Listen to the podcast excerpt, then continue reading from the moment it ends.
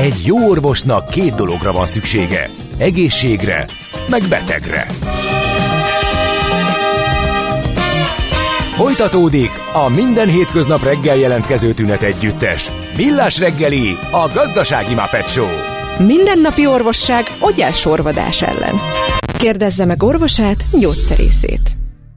A Millás reggeli főtámogatója a Schiller Flotta Kft. Schiller Flotta is rendtakár. A mobilitási megoldások szakértője a Schiller Autó tagja. Autók szeretettel. A Millás reggeli főtámogatója az üzleti kihívásokra választadó, rugalmas IT és telekommunikációs szolgáltatásokat nyújtó Magyar Telekom.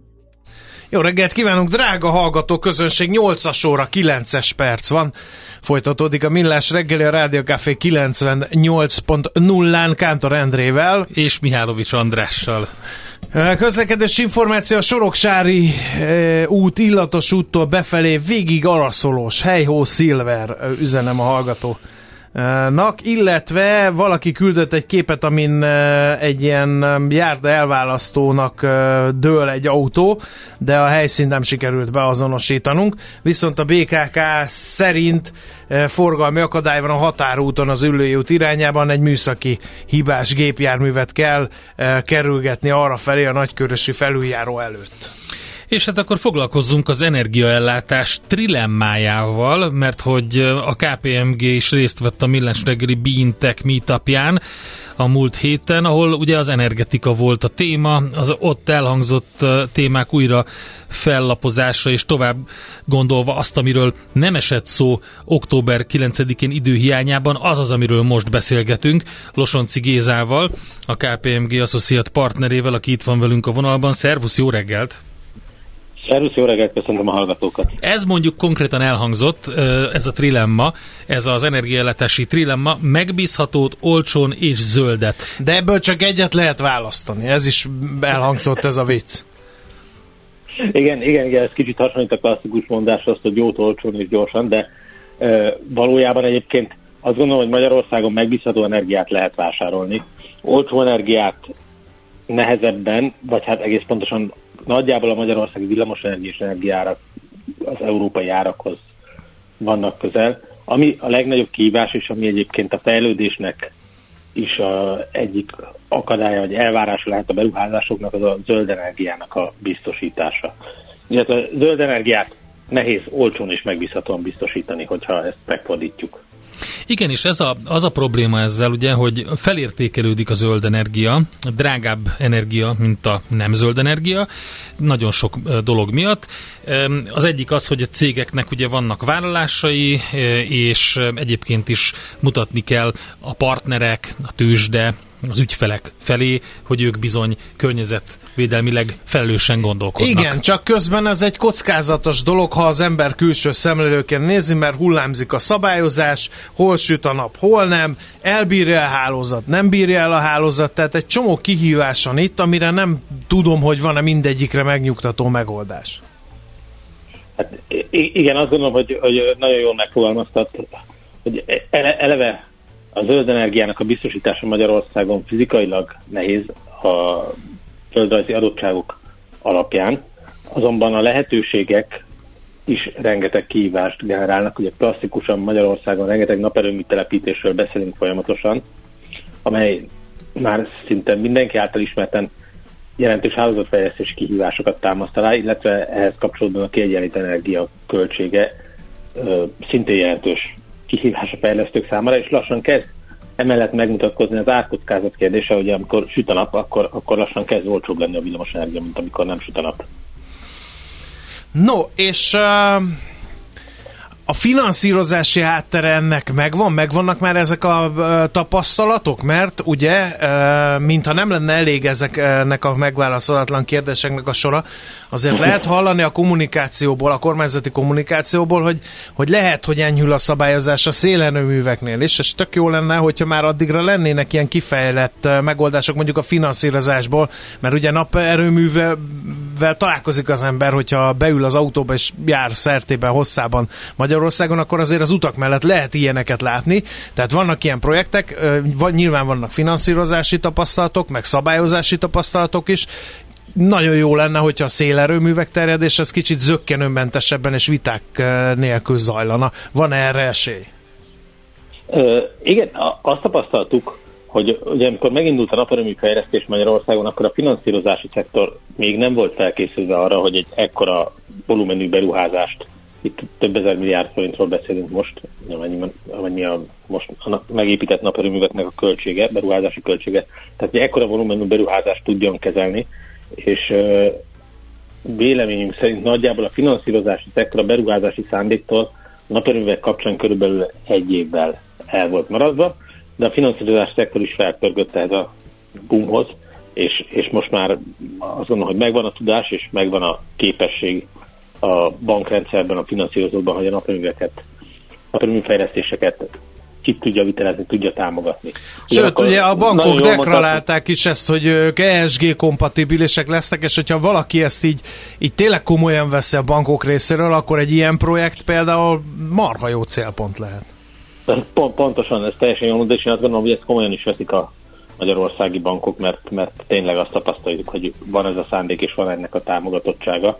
És uh, ahogy mondtad, most várható, hogy megjelenjen a szélműveknek is, a szélművek is várhatóan meg tudnak jelenni a magyarországi energiaportfólióban, és itt is várhatók. Talán nem ekkora volumenű beruházások, de, de nagyságrendben ezzel összemérhetők, és azt gondolom, hogy az egy feladat a bankrendszernek és a finanszírozó szektornak, hogy a naperőművekhez hasonló késésbe ne kerüljön, és ahogy felpörögnek ezek a beruházások, úgy a finanszírozási szektor is meg tudással, kompetenciával, szándékkal ott álljon, hogy, hogy uh-huh. tudja támogatni ezeket a megújuló energiafejlesztéseket. Mennyire jelent megoldás az, hogy össz, ezekre a vitás kérdésekre, hogy mi van, ha nem süt a nap, az a megoldás, hogy összekapcsoljuk a szél és a naperőműveket egyfajta hibrid erőművé, és akkor már nincs szükség egy másik vitás kérdésnek a mély tárgyalására, ez pedig a kiegyenlítő energia, mert hogy azért arra jó esély van, hogyha nem süt a nap, akkor azért valamiféle szellő lengedez, ez, tehát ez a két e, megújuló energiaforrás, ez két tudja egyenlíteni egymást, és nem kell gázerőműveket beröffenteni. Hát itt most több, több téma, kever, több téma jött össze ebbe a kérdésbe, tehát a, a, ez a úgynevezett hibrid erőmű, ami egyébként nem nagyon létezik, még Magyarországon biztos nem, de egyébként Európában is újdonság, ugyanakkor egy nagyon izgalmas téma, az elsősorban a hálózatfejlesztési kérdésekre ad valamekkora választ. Ugye itt a hálózatfejlesztés terén a nagy kihívás az az, hogy be tudjuk kötni ezeket az erőműveket. Na most, hogyha egy naperőmű már be van kötve, és egyébként statisztikailag tényleg nagyon helyesen mondtad, hogy a szél általában nem akkor új, amikor süt a nap.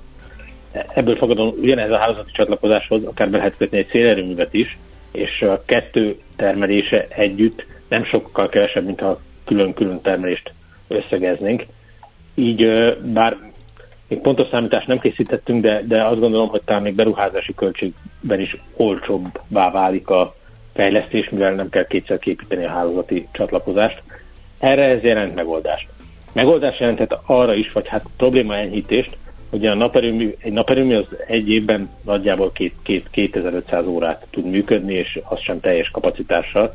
Most, hogyha ez össze van kötve egy akkor ez a működési idő, ez akár 4-5 ezer órára is talán fel tud menni ami, ami már ugye 8760 óra, ami egy 8760 óra van egy évben, annak, annak már egy egész szignifikáns százaléka, és akkor ez már egy alaperőműhöz hasonló képességekkel tud tudni rendelkezni, uh-huh. ami egyébként stabil energiállátást tud biztosítani.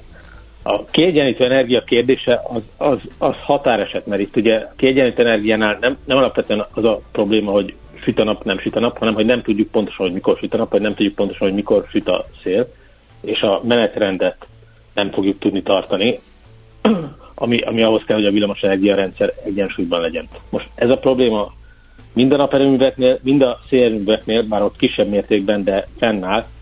Tehát erre a kérdésre kevésbé fog, nem fog ez megoldást nyújtani, de, uh-huh. de számos egyéb kihívásra a hálózatra és a időjárás függőségre arra, arra, arra valamennyit igen. tud lenni. De maradjunk a kiegyenlítő energiánál, ennek a költségénél, illetve hogy eh, ehhez kapcsolódó szolgáltatások áránál, mert hát lehet, hogy hogyha így elharapózik, akkor ezek a költségek és ezek a szolgáltatási árak is meg fognak nőni, hiszen ugye ahogy nő a kapacitás a zöld energiába, úgy nő majd a, a kiegyenlítő energiának a, a költsége, és hiszen egyre több e, ilyen megújuló erőmű mellé kell valamiféle kiegyenlítő megoldás, és nem úgy tűnik, hogy ez a megoldás az az lesz, hogy, hogy akkumulátortelepeket létesítünk, és akkor amikor nem fúj a szél és nem süt a nap, akkor azokról megy a, az energia. Ez még odébb van. Igen, ez egy nagyon izgalmas kérdés, és azt gondolom, hogy kevésbé volt eddig reflektorfényben. Ugye a villamosenergia, amikor elfogyaszt a fogyasztó, akkor, akkor megvásárolja a villamosenergiát, és megvásárolja hozzá kiegyenlített energiát, amit jellemzően a Mavir biztosít a rendszer szintű szolgáltatásokon keresztül.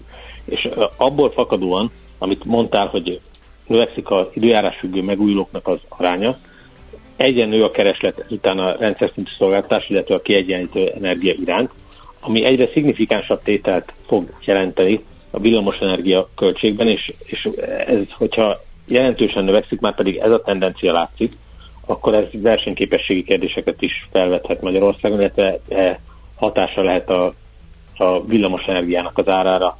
Versenypiacon mindenképpen, de, de egyébként a, akár még a lakossági árat is tudja befolyásolni. Tehát azt gondolom, hogy ez egy olyan kihívás, ami az eddig ismert kihívások mellett egy, egy, egy, egy jelentős tétel lesz a magyar energia stratégiában. Egyébként számos gondolkodás elindult már ebben kapcsolatban, például egy nagyon izgalmas az, hogy akár ennek az okozói a naperőművek is képesek ezt a rendszer szintű szolgáltatást valamilyen formában nyújtani, és akik a problémát okozzák, azok járjanak hozzá a problémának a megszüntetéséhez, de minden esetre az biztos, hogy mind a finanszírozóknak, mind a döntéshozóknak el kell gondolkodni azon, hogy a jövőben hogyan fog alakulni ezeknek a, a kiegyenlítő energiának és rendszer szintű szolgáltásoknak az ára, mert ez jelentősen fogja befolyásolni véleményem szerint a, az üzleti terveket és a ruházási döntéseket és finanszírozási kérdéseket. Itt visszakanyarodnék a legelejére a beszélgetésnek. Lesz-e elég zöld energia, um, amit el tudnak um, akár a lakosság, akár a, a a cégek használni. Ugye nyilván a cégek szempontjából kicsit nehezebb a kérdés, hiszen ő nekik van egy szerződött partnerük, akitől szállít, aki szállítja nekik, hogyha nincs saját erőművük, ami szerintem kevés esetben van így, tehát nem az a mennyiség, amit lakossági szinten nézünk. Tehát, hogy ők, hogyha zöld energiához akarnak jutni, mert ez van a vállalásukban, ez van a elképzelésükben, akkor, akkor lesz-e nekik elég?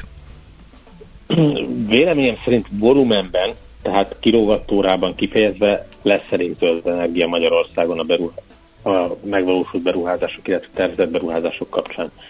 A kihívás, a nehézség az, hogy időben ezek az, ez a zöld energia nem akkor fog megtermelődni, amikor a fogyasztók el szeretnék ezt fogyasztani, és látszik, hogy a villamos energiatárlás nem tart még ott, és talán nem is fog ott tartani a következő öt évben, hogy ezt az energiát át tudja helyezni arra az időszakra, amikor a fogyasztók vagy a vállalatok ezt el szeretnék fogyasztani.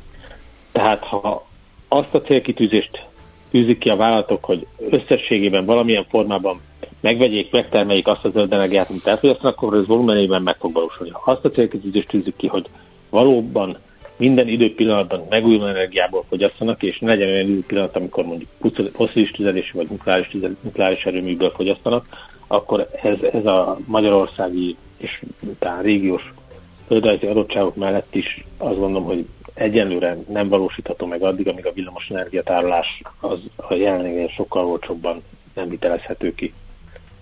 Hát nagyon érdekes téma, nagyon fontos, hogy felhívtuk rá a figyelmet, és hogy jó, hogy kicsit bővebben Engem meg azért tudtuk kicsit beszélni. nyugtalanít, hogy inkább kérdéseket fogalmaztunk meg, mint válaszokat, de el, el kell, hogy induljon egy gondolkodás, mert így nem jutunk előre. Nagyon szépen köszönjük, hogy ezeket a kérdéseket felvetettük itt. Jó munkát, szép napot kívánunk! Köszönöm szépen viszontlátásra, viszont hallásra!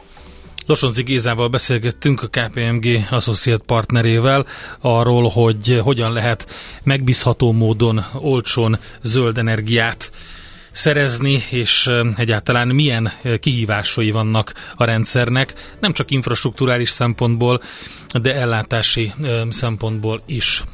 Mondja meg a kapitánynak szálljon le sürgősen. A beteget kórházba kell vinni. Kórházba? Miért mi az? Egy ház betegeknek, de ez most mellékes. Millás reggeli. No kérem szépen, akkor Az m 0 a hallgató, eh, azt már olvastam. Ja, süvít? Ja, azt nem, az m 0 kelet észak-keleti irányba süvít, a nyugati délnyugati irányba pedig folyékony, de sűrű a forgalom. Köszönjük a helyzetjelentést. Hajrá, doktor úrnak a szignálba a cyber security ízvilágot is bele kellene csempészni, ti legalább foglalkoztak vele, mellesleg értettek is hozzá.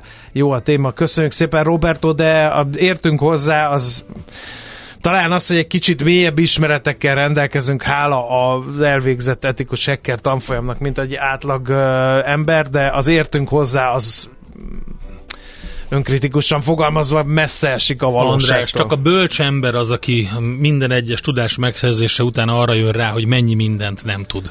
A közútkezelő, vagy hívják bárhogy, miért nem jelzi mondjuk az M3-as bevezetőn végig, hogy a Robert Károly felüljáró ma éppen nem használható. Annyira nyomorult ország vagyunk.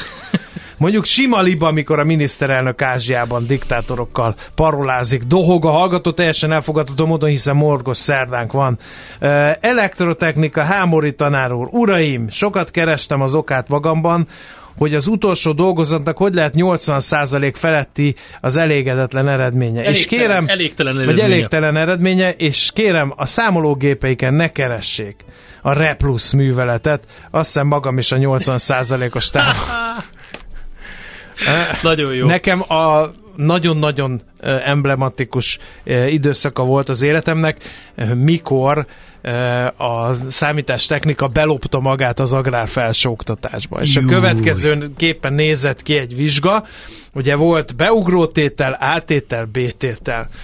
És a következőképp nézett ki, milyen volt ez a tűs nyomtató mögött ült a tanár, uh-huh. egy ilyen bazinagy Commodore 64-es mögött, és amikor feltette az előttem vizsgázza a kérdést, hogy kezdhetem a BT-tellel, akkor nyomott az átételre egy egyes számot a gépen, majd a BT-telnél befejezte a feleletet? Igen. Nem kérdezett közben, megint nyomott egy számot, ami megint egyes volt, majd nyomott egy entert, és kinyomtatta a tűnyomtató nagy feliratta, hogy elégtelen. Ezt átnyújtotta a vizsgázónak, és azt mondta, hogy nem én buktattam meg, hanem a gép. Csodálatos. Nagyon jó volt, igen. Uh, aztán, amikor csúcson termelnek a napelemek, miért nem termelünk zöld hidrogént? Hú, ez egy nagyon messze erről volt kérdés, kép. és Igen. beszéltünk is róla, mind a fórumon, a Beintech fórumon, mind már többször nem annyira egyszerű zöld hidrogént megtermelni, de igen, tényleg jó kérdés, és izgalmas. Nagyon örülök neki, hogy megjöttek a szóviccek. Tintorettói ma reggel eddig tudtuk tartani őket távol az üzenő falunktól. Azt írja például Bérfarkas, hogy ma kicsit szájberrágós a műsor. Hát nem baj. Az a lényeg. Viszont jövünk egy csomó mindennel még. Mi az a dizájnoltalom például? Ugye ez szóba került korábban is, amikor mondtuk, hogy például lehet pályázni különböző KKV-knak, de hogy mit jelent pontosan a dizájnoltalom, és miért fontos ez, ez a következő témánk. Aztán jön piaci hotspot rovatunk, ahol barát Tiborral nézzük majd meg, hogy mire érdemes odafigyelni. Hát gyanítom, hogy a merítés nem lesz kicsi. Kijöttek a hát gyors jelentés cunami van, úgyhogy rengeteg minden. Szuperzöld rovatunkban pedig 9 óra után azzal a kérdéssel foglalkozunk, hogy mi lesz a Velencei tóval. Nyilván a Kisbalaton és a Mivel? Balaton is igen, ugye a Velencei játszótérrel. De, de az a lényeg, hogy... A, a nagy vizes homokozó, a nemzet vizes homokozó. Figyelj, Ja, a, a kis Balaton és a Balaton is szóba került sokszor a vízszint, illetve limnológiai szempontból átpusztulás miatt. Most azzal foglalkozunk, hogy egyáltalán az a rekordalacsony vízszintek ugye egymás után dőlnek meg, és az elkezdett vízpótlási terv az nem hozta meg a várt sikert.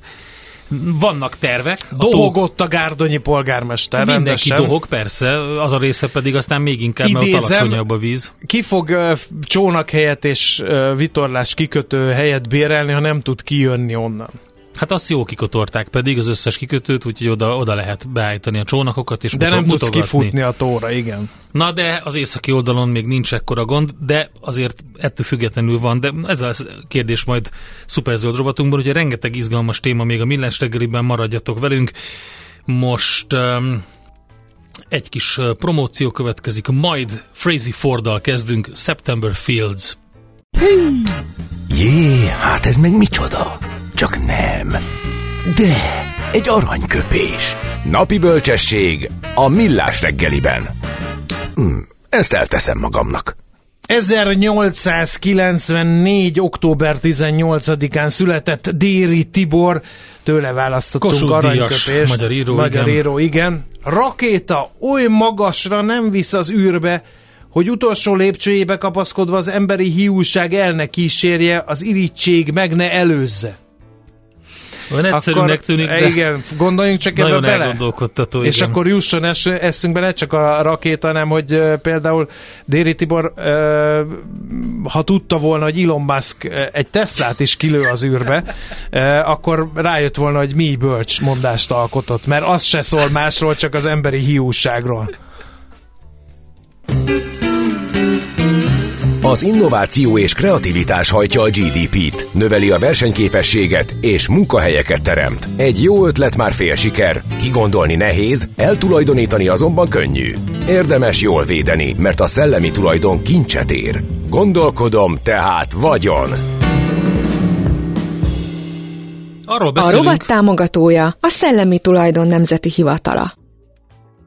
Erről is beszélünk, igen, hogy a rovat Igen, támogatója, de mindenképpen. ezen felül még beszélünk másról is. például, hogy mi az a design oltalom arról, és mielőtt elmondanánk pontosan a, a bevezetését a témának, bemutatnám a beszélgető társunkat, Gubic Flóra Anna, a MOME vezető IP stratégája. Ő van itt a vonalban. Jó reggelt, szervusz! Jó reggelt, sziasztok! Először, mi az az IP stratéga? Ez egy jó kérdés. Interpersonális? Igen, nem, uh, tulajdonképpen szerintem ez egy új fogalomnak tekinthető itthoni használatban, uh, nyugaton vagy hát ugye más országokban már használják. Lényegében ez egy olyan személy, olyan szakember, aki szellemi tulajdonjoggal foglalkozik, és egy adott szervezeten belül a szervezet szellemi tulajdonjogi stratégiáját alakítja, kidolgozza ki, és kezeli annak a szervezetnek a szellemi tulajdonjogi portfólióját. Tehát itt az IP az az Intellectual Property rövidítésre vonatkozik. Oké, okay, ez egy nagyon fontos dolog, mert ugye találkozunk egy csomó érdekes rövidítéssel az üzleti világban, de ez kimondottan rávilágít arra, ami a témánk, mégpedig hogy a design oltalom micsoda. Erről már többször esett szó, és próbálgattuk különböző szakértőket megkérdezni, hogyan lehet eh, egy designra például oltalmat kapni, de hogyha jól láttam, akkor a Moholi Nagy Művészeti Egyetem egyre tudatosabban odafigyel a szellemi tulajdonvédelemre, de mit tesztek pontosan azért, hogy a hallgatók és az oktatók minél inkább megértsék ennek fontosságát? Uh, igen, tulajdonképpen ugye a formatervezési mintaoltalom az, az egyéni és eredeti jellegű uh, kialakításokra, ipari vagy formatervezési anyagokra vonatkozik, és ilyen szempontból egyébként érdekes, hogy nem csak ipari, hanem kézműipari árucikkekre, és ugye a MOME az régen az Iparművészeti Egyetemnek ugye a jogutódja, és éppen ezért uh, nálunk kifejezetten jelentőséggel bír a formatervezési mintaoltalom, de emellett más uh, szellemi tulajdonjogi oltalmi formák is. És a Mumin igazából 2021-ben indult el egy ö, nagyobb reformmozgalom, szellemi tulajdoni reformmozgalom, aminek egyébként az egyik első lépése pont az volt, hogy magával az SZTNH-val, ugye a Szellemi Tulajdon Nemzeti Hivatalával együttműködve igénybe vettük az SZTNH-nek akkor még IP diagnózisnak ö, nevezett ingyenes szolgáltatását, amit most azt hiszem IP szkennek hívnak, és ennek a lényege, hogy a SZTNH felméri az adott szervezetnek az addigi eh, szellemi tulajdonjogi stratégiáját, működését, hogy mit, hogy kezel, milyen portfóliója van, és annak vonatkozásában ad ajánlásokat arra, hogy ezt hogyan kéne tovább vinni, és ilyen szempontból azt hiszem nem mondok nem mondok valótlant azzal, hogy a MUME volt szerintem az első egyetem, vagy az első között, aki ezt így vette igénybe, és ennek nyomán, amit a SZNH adott ajánlást, azt át is ültette az egyetem, és például így alakult ki egy IT pont nevezetű szervezeti egysége az egyetemnek, ami kifejezetten az egyetem szellemi tulajdonjogi ügyeivel foglalkozik, és segíti a hallgatókat, oktatókat, munkavállalókat az oltalmak megszerzésében. Oké, okay, tehát ezt akkor így IP angolosan az intellectual property-ből deriválva kell mondani. Ezt is De nem Texas Instrument. De nem, nem nagyon jó. Oké, okay, szóval, hogy rendben van, hogyha jól láttam, akkor holnap, tehát október 19-én lesz egy ingyenesen, de előzetes regisztrációt igénylő, ingyenesen tartandó esemény a Momén, ami ezzel kapcsolatos. Pontosan, ezt szerez meg az első design oltalmadnak, neveztük el az esemény sorozatot. Igazából most ez egy pilot projekt lesz, már volt az SZNH-nak meg a Mominak több kurzusa, amit együtt tartottak, de ez most kifejezetten a design oltalomra, formatervezési mintaoltalomra fog koncentrálni, és itt az lesz a cél, hogy főként a hallgatók, tehát az egyetem hallgatói, illetve más egyetemek hallgatói megtanulják azt, és egy átfogó képleget kapjanak arról, hogy hogyan tudnak formatervezési mintaoltalmat szerezni. Ebből a szempontból például kiemelendő, hogy a hallgatók az, akár ingyenesen is megkaphatják az oltalmat, mert van egy mentességi eset számukra, és például egy bejelentésben akár 50 mintára is kaphatnak oltalmat, ami rendkívül megkönnyíti és meggyorsítja számukra az oltalom szerzésnek a lehetőségét és a célja tulajdonképpen ez egy workshop sorozat lesz, egy három alkalomból fog összeállni. A célja ennek az eseménynek az lesz, hogy segítsünk a bejelentés megtételének és az eljárás teljes egészének a megértésében a hallgatók szemére, és megértsék azt, hogy ez nem egy ördögtől való dolog, nem iszonyatosan bonyolult. Nyilván van, amikor igenis igénybe kell venni szabadalmi ügyvőt vagy ügyvédet. Egyébként szabadalmi ügyvőnek hívjuk azokat a jogi végzettséggel is rendelkező, vagy részben jogi végzettséggel rendelkező személyeket, akik eljárnak a kifejezetten a szellemi tulajdonjogi ügyekben, de ügyvédeket is igénybe lehet venni, tehát hogy ez nem egy kizárólagos szakma ilyen szempontból. Mennyire van nyitottság a hallgatók részéről? Mert jó, nyilván ez a korosztály már nem a mi korosztályunk, de 20 évesen kisebb Ne, gondom is nevé, nagyobb. A magad nevébe Jó, beszélsz. akkor szépen. én nekem a 20 évesen a kisebb gondom is nagyobb volt annál, mint hogy szabadalmi ügyvívőkről lamentáljak.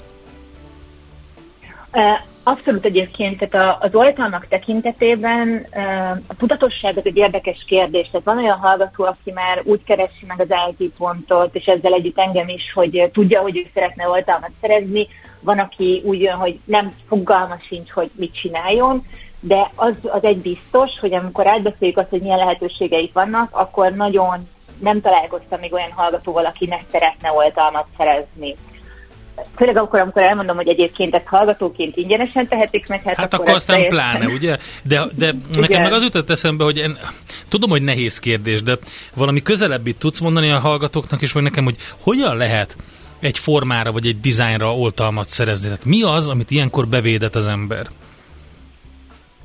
A, na, ez egy nagyon jó kérdés, mert igazából a formatervezési mintaoltalom az egyedüli olyan e, iparjogvédelmi oltalom, mert ugye a szellemi tulajdonjogon belül két fő terület van, az iparjogvédelem és a szerzői jog, és iparjogvédelemben ugye az egyik leginkább ismert iparjogvédelmi oltalmi forma a szabadalom, ami a funkcióra koncentrál. Na ezzel szemben a formatervezési mintaoltalom az a külső megjelenésre koncentrál, és itt igazából egy adott terméknek a külső megjelenését védetjük le. Tehát például az autóiparban is óriási jelentősége van a formatervezési vagy design oltalomnak, azáltal, hogy ott ugye a külső kialakítása egy-egy autónak, egy járműnek, vagy egyes alkatrészeinek, amik kívülről megjelennek, azok kifejezetten jelentőséggel bírnak a fogyasztók számára is, hogy az adott felhasználó fogyasztó, aki megvásárolja ezt a terméket, azonosítja azt a külső megjelenést a gyártóval. Hát ugye gondoljunk bele a bogárba, hogy, hogy nagyon régre Igen. menjünk vissza, hogy menj, meglátjuk, és már tudjuk, hogy az mi is,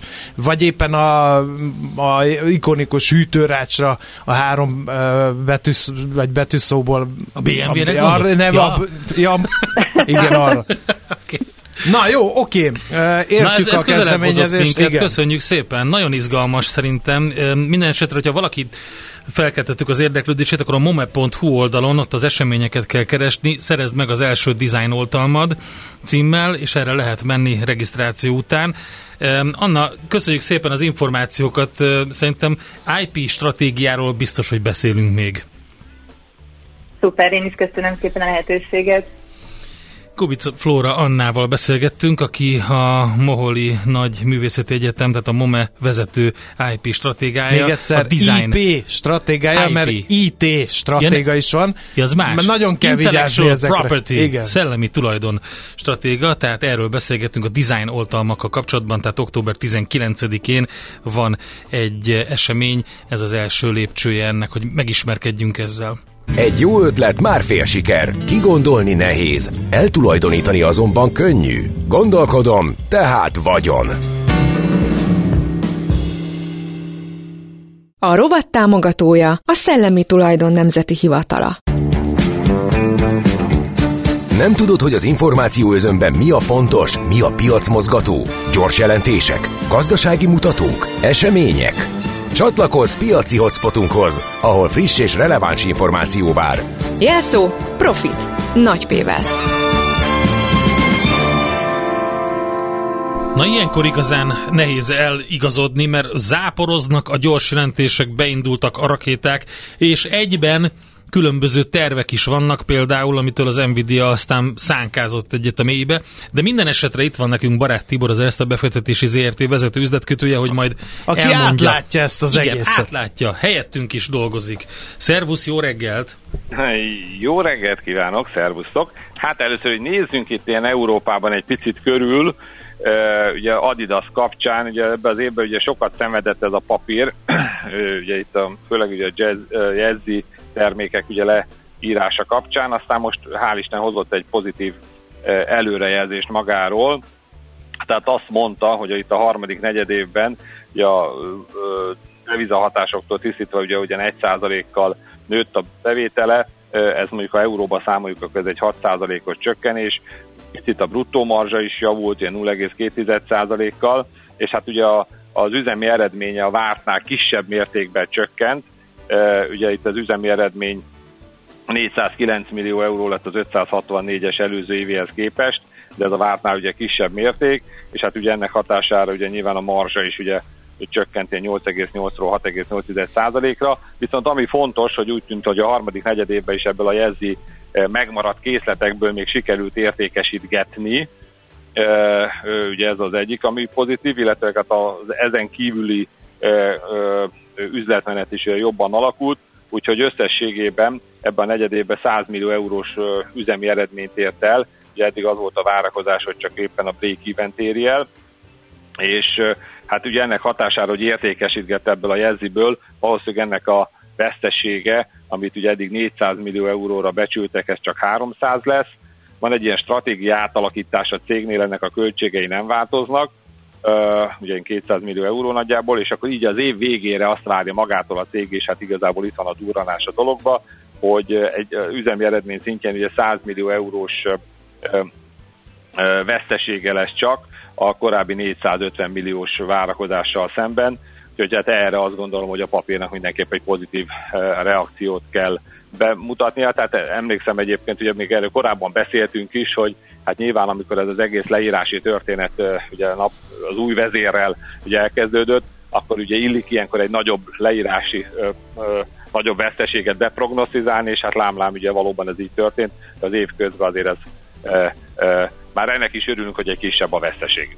Hát örüljünk. Már ez, mi, mi, milyen szép terület a tőzsde, hogy már a kisebb veszteségnek is tudunk örülni. Na mindegy, menjünk tovább, mi van még?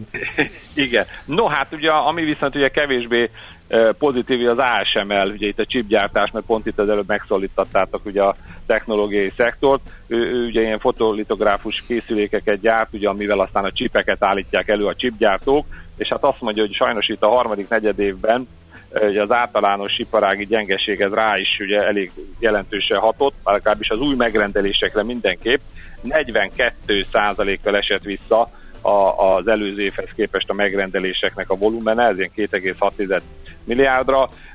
Egyébként ugye maga a, a, a működő eredmény, az mindössze ugye egy 3%-os visszaesés, csak ugye tehát a konkrétan ebbe az évben a bruttó marzsa egy picit javult is, és hát itt a legfontosabb, hogy inkább a kilátások, hogy mit, mit vár az iparág magától. Hát azt mondja, hogy valóban most egy ilyen ö, völgymenetben van a, a, a chipgyártás, de hogy az ő ügyfelei, már mint hogy ugye a, a chipgyártók, ö, ugye az év végére várják, a, a, vagy év vége környékére a fordulatot, bár abban azért bizt, nem biztosak, vagy bizonytalanok inkább egész pontosan, hogy ez a, az elmaradt keresletnek a pótlása ugye a csipek iránt, ez milyen gyorsan tud ugye megint regenerálódni, tehát mekkora lesz a, ez, a, ez az igény. Hát ugye épp ezért az ASML inkább abból indul ki óvatosan, 2024 ez még csak az átmenetnek az éve lesz, és 2025-re gondolják ők azt, hogy akkor egy szignifikáns növekedés ugye megint elindulhat, úgyhogy hát azt gondolom, hogy itt az ASML-nél viszont akkor lesz egy, hát egy jelentősebb csökkenés. Most azért ugye az elmúlt napokban egész szépen fejlődött a papír, hát szerintem itt azért egy ilyen 5% körülbelül mínusz, illetve hát akkor ez a technológiai szektor többi részére is azért majd ugye hatással lesz, hiszen hogyha ha, ha nem jönnek a, a gyártóshoz a megrendelések, amivel majd csipeket gyártanak, hát ezért az azt jelenti, hogy akkor a chipgyártók is ugye óvatosak a, a jövőt illetően. Hát az a kérdés, hogy a, hát a, hogy a cég az kellemes hangokat ad majd ki, ad majd ki a befektetők számára ez az ASML. Teljesen, majdnem ASML a neve a cégnek, azon röhögtem, ami ugye arról szól, ez a kellemes hangzást kiadó videó, ilyenekkel van tele a, a YouTube. Na minden esetre, oké, okay, úgy tűnik akkor, hogy, hogy jó lesz? Hát majd 2025-től hát, hát lesz jó, igen. 25 lesz jó. Akkor majd jó lesz, egyszer. Okay, egyszer majd jó, jó lesz. na menjünk tovább még. Akkor félvezető gyártókat kibeszéltük, a sportszergyártókat kibeszéltük, igen.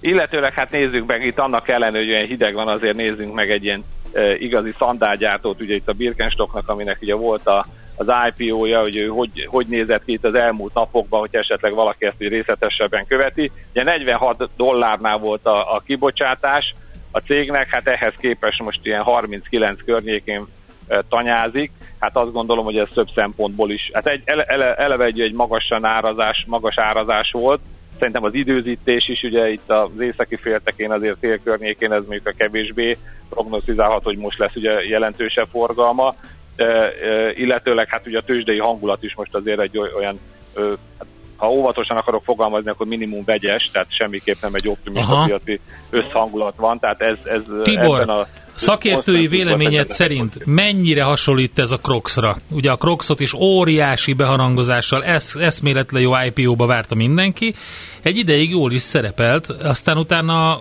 elképesztő inventorit halmaztak fel, pontosan azért, meg konkrétan lelopkodták a, a, az egészet a különböző távol-keleti fröccsöntők, és igaz, hogy nem ugyanazt a terméket, de azért elárasztották vele a piacot, lett egy nagy inventori, nem tudtak vele mit csinálni, és sokáig bajban volt a cég. Hát most lehet, hogy egy ilyen 60 éves, már ugye ezt a szandát, ami most a legdivatosabb, azt hiszem ezt 60 éve gyártják, de közben már 1700-as évekre visszavezetik a gyökerét a cégnek, hogy ez nem ugyanolyan, mint a Crocs, de azért én láttam hát némi ez is hasonlóságot. Könnyen, másolható, igen, például. Ha, ha ez egy, egy üzleti sikersztori, akkor arra rá fognak ugrani a hamisítók, igen.